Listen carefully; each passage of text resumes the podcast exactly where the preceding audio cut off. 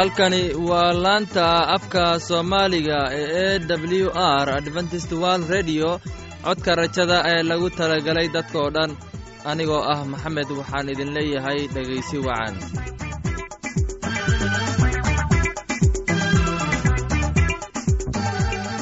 Barnaamijyadeenna maanta waa laba qaybood. Qaybta koowaad waxaad ku maqli doontaan barnaamijka nolosha qoyska wuu inoo soo jeedinaya maxamed kadib waxaa inoo raacaya cashar inaga imaanaya buugga nolosha uu inoo soo jeedinayo cabdi. Labadaasi barnaamij xiisaha leh waxaa inoo dheer heese daabacsan oo aynu idiin soo xulnay kuwaasoo aynu filayno in aad ka heli doontaan. Dhegaystayaasheenna qiimaha iyo khadradda lahow waxaynu kaa codsanaynaa inaad barnaamijkeenna si habboon u dhegaysataan. Haddii aad wax su'aala ama wax tala ama tusaale ah haysid fadlan inala soo xiriir. Dib ayaynu kaga sheegi doonnaa ciwaankeenna bal intaynan u guuda gelin barnaamijyadeenna xiisaha leh. Waxaad marka hore ku soo dhowaataan heestan daabacsan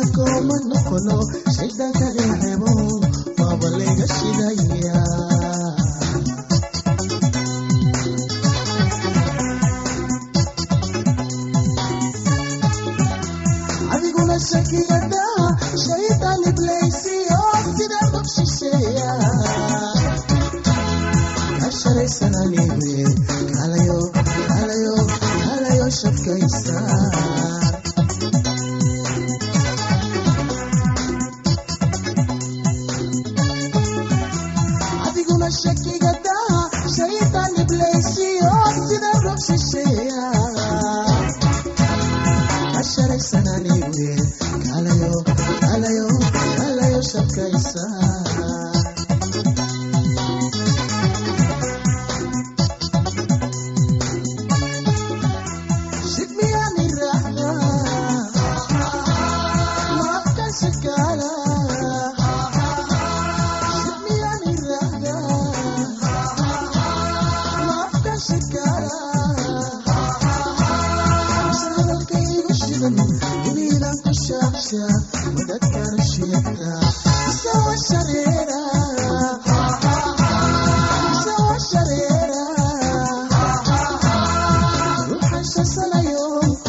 sheegana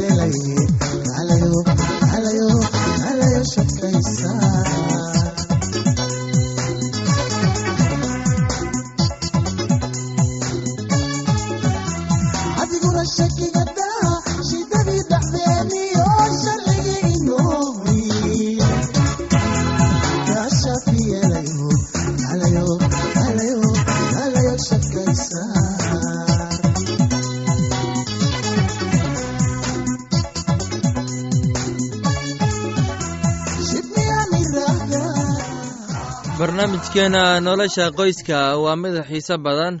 Waxaan rajaynayaa inaad ka faa'iidaysan doontaan barnaamijkaasi. Barnaamijka wuxuu ka hadli doonaa waxbeero wanaagsan. Waxaana inoo soo jeedinayaa maxamed ee dhegeysi wacan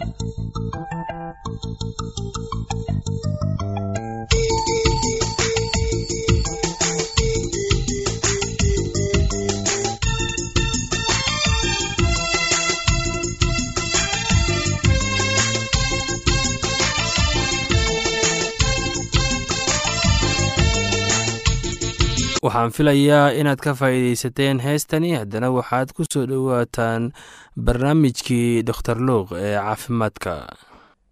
Muxuu dor lukos inooga sheegi doonaa sokorowga?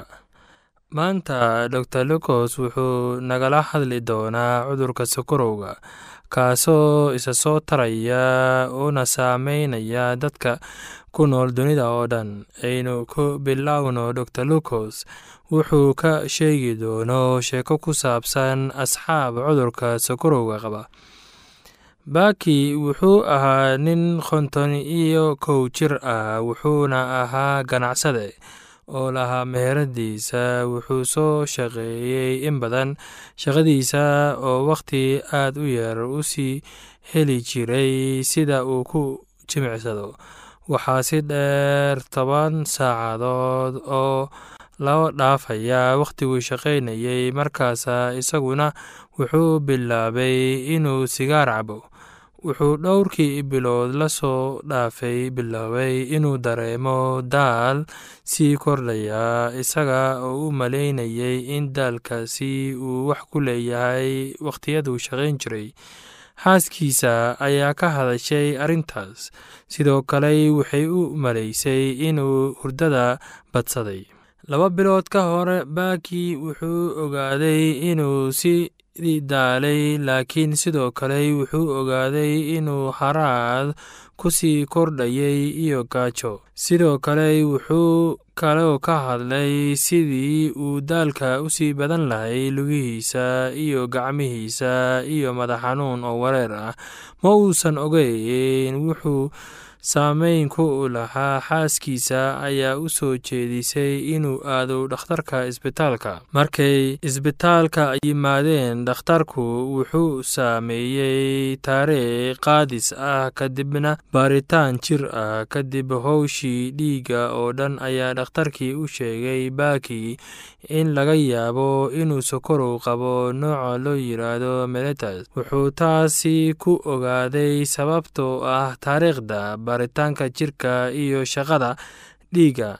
Si kastaba ha ahaatee waxay ahayd dhiigga sare sonkorta shaqada dhiigga taasi oo ahayd waxa ugu muhiimsan. Dhakhtarku wuxuu soo jeediyey in baki uu ku noqdo gurigiisa. Tijaabada sonkorta dhiigga ayaa sidoo kale wax yar kor loo qaaday. Dhakhtarkii wuxuu sheegay in baki uu helo tijaabo laba ee xaqiijinta dambe wuxuuna soo soomay waxbana uma marka laga reebo laba-iyo toban saacadood ka horna inta la soo gaarin bartaanka sonkorta dhiigga baki ayaa markale sameeyey taas oo natiijada sonkorta dhiigu sidoo kale xooga yar kacsanayd. Dhakhtarkiina ayaa u sheegay baki in labada soonka ay sonkorta dhiigga ka muuqatay wuxuu caddeeyey in uu qabo sonkorta nooca labaad ee melitas si kastaba ha noqotee dhakhtarku wuxuu u sheegay baaki in xilligan la joogo uusan u baahnayn inuu daawo sonkorta isticmaalo. Tani waxay ahayd wax wanaagsan baaki laakiin wuxuu ka welwelsanaa dhibaatooyinka sonkorowga ku yeelan karo caafimaadkiisa. Dhakhtarku wuxuu markaa u sheegay baaki inuu helay baaris kaadid oo khaas ah si loo eego inay kaadida leedahay brotiin ama dhiig. Sidoo kale waxaa in la hubiyaa kolestaroolka dhiigga ugu dambeyntii wuxuu u baahnaa baaritaanka indhaha si loo eego haddii uu saameyn ku yeeshay sokorowga ee indhaha maadaama ay tani dhaci karto. Saaxiibkiisii wuxuu la soo baxay kitaabka quduuska wuxuuna la wadaagay ayadoo ku soo hulay kitaabka wuxuuna yidhi rabbiyow ilaahayow waan ku yeedhay aniga oo caawimaad kaaga u baahan waadna i bogsi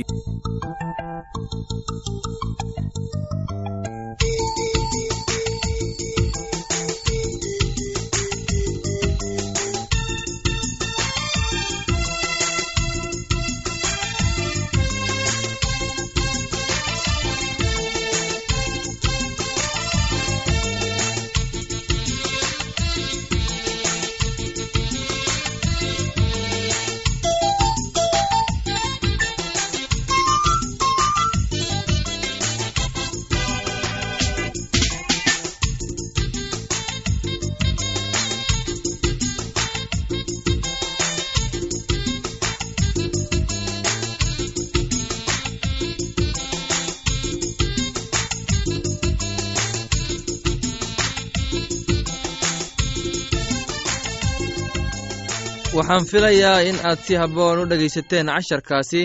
Haddaba haddii aad qabto wax su'aal ah oo ku saabsan barnaamijka nolosha qoyska fadlan inala soo xiriir. Ciwaankeenna waa codka rajada sanduuqa boostada afar laba laba lix todoba nairobi kenya. Mar labaad ciwaankeenna waa codka rajada sanduuqa boostada afar laba laba lix todoba nairobi kenya. Waxaa kaloo inagala soo xiriiri kartaan imeilka somali e w r at yahu dt com. Mar labaad imeilka waa somali e w r at yahu com.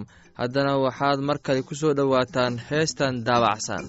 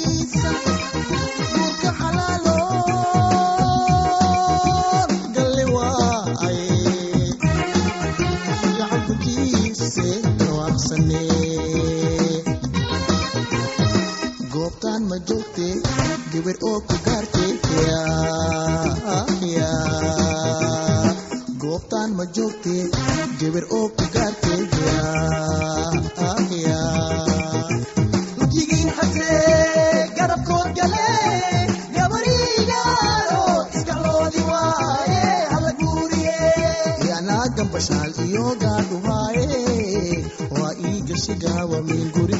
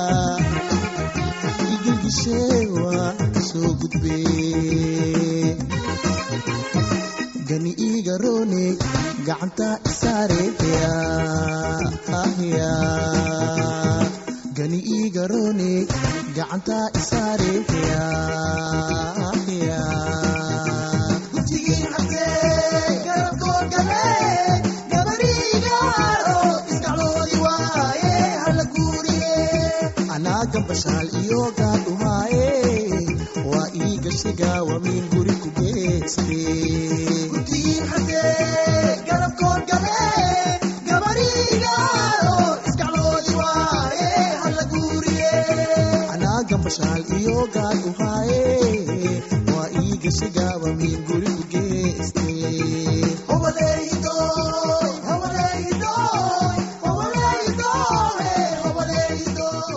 waxaan filayaa inaad ka hesheen heestaasi.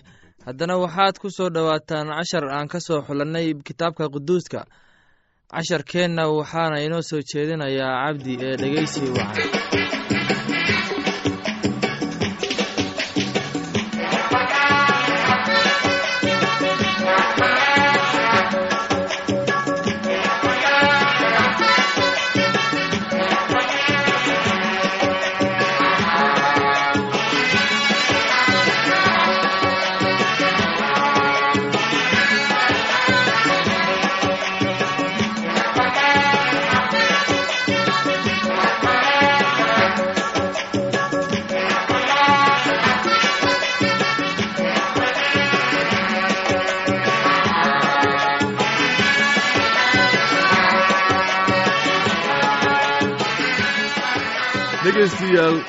maanta waxayna ka hadli doonnaa cashar ku saabsan buugga cisaa'iya jabtarka labo fersiska koowaad ilaa iyo shan iyo toban.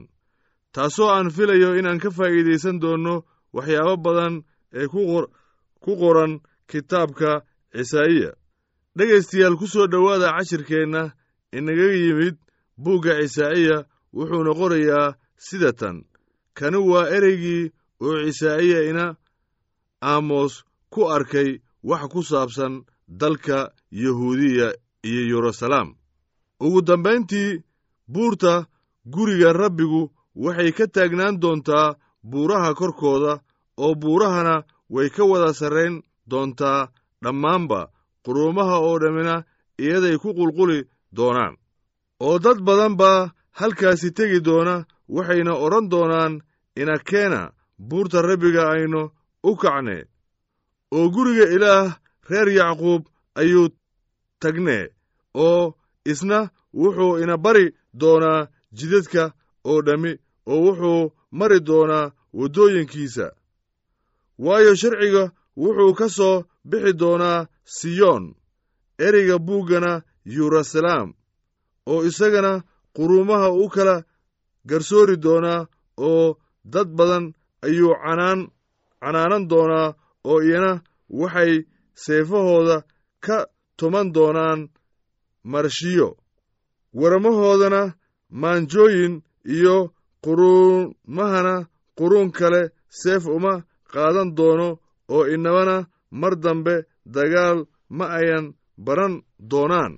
Oo reer yacquub kaalaya oo aynu iftiinka rabbiga ku dhex soconne waad ka tagtay dadkaagii reer yacquub maxaa yeelay waxay ka buuxsameen waxyaalahii bariga oo waa fuleeyaal oo weliba dalkoodii waxaa ka buuxa lacag iyo dahab oo qasnadahoodana dhammaan ma wada laha oo weliba dalkoodii waxaa ka buuxa fardo oo gaari fardahooda inaba dhammaan ma laha. Oo weliba dalkooda waxaa ka buuxa sanabyo oo waxay caabudaan shuqulkiisii gacmahooda iyo wixii ay fardahooda sameeyeen.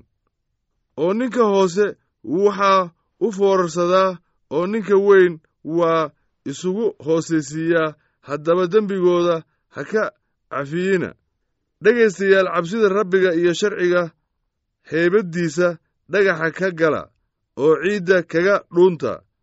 Bini'aadamku indhihiisu kibray waa la hoos hoysinsiin doonaa oo dadka madaxweyntiisana hoos baa loo soo dejin doonaa oo rabbiga ayaa maalintaasi la sarraysiin doonaa waayo rabbiga ciidamadiisu wuxuu maalin u haystaa kan kasta oo kibra oo madaxa weyn iyo kan kasta oo kor isku qaadqaadaa waa la hoosaysiin doonaa iyo weliba geedaha kadarka la yidhaahdo oo lumbaan dhaadheer ee sarsare u baxa oo dhan iyo geedaha kaleba ee la yidhaahdo banshaan oo dhan. Buuraha dhaadheer oo dhani iyo kuraha sare u jooga oo dhammi iyo muraadada kasta oo dhan iyo derbi kasta oo deer leh. Haddaba waxaan filayaa dhegaystayaal inaad ka faa'iidaysteen cashirkeenna sidaas iyo nabadgelyo iyo ismaqal dambe waxaana idiin soo jeedinayey waa cabdi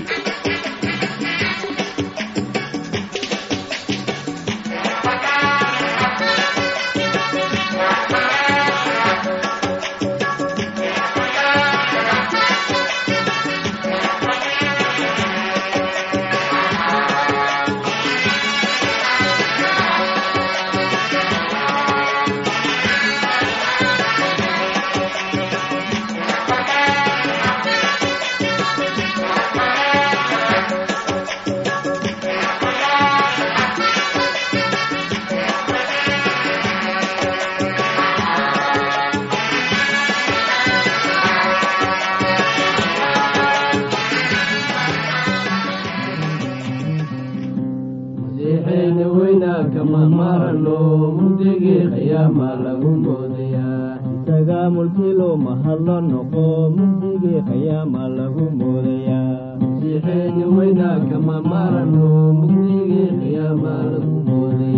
malintay xumaatan laga marmigo mugdigii qiyaama lagu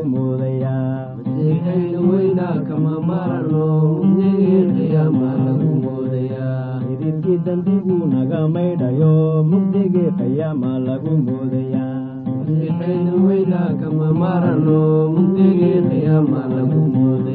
magaciisa diida marxuu raacayo? Mugdigii qiyaama lagu moodayaa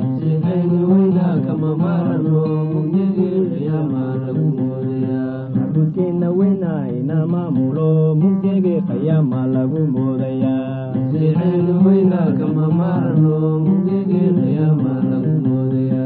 sacdii adduunku naga yeelayo mugdigii qiyaama lagu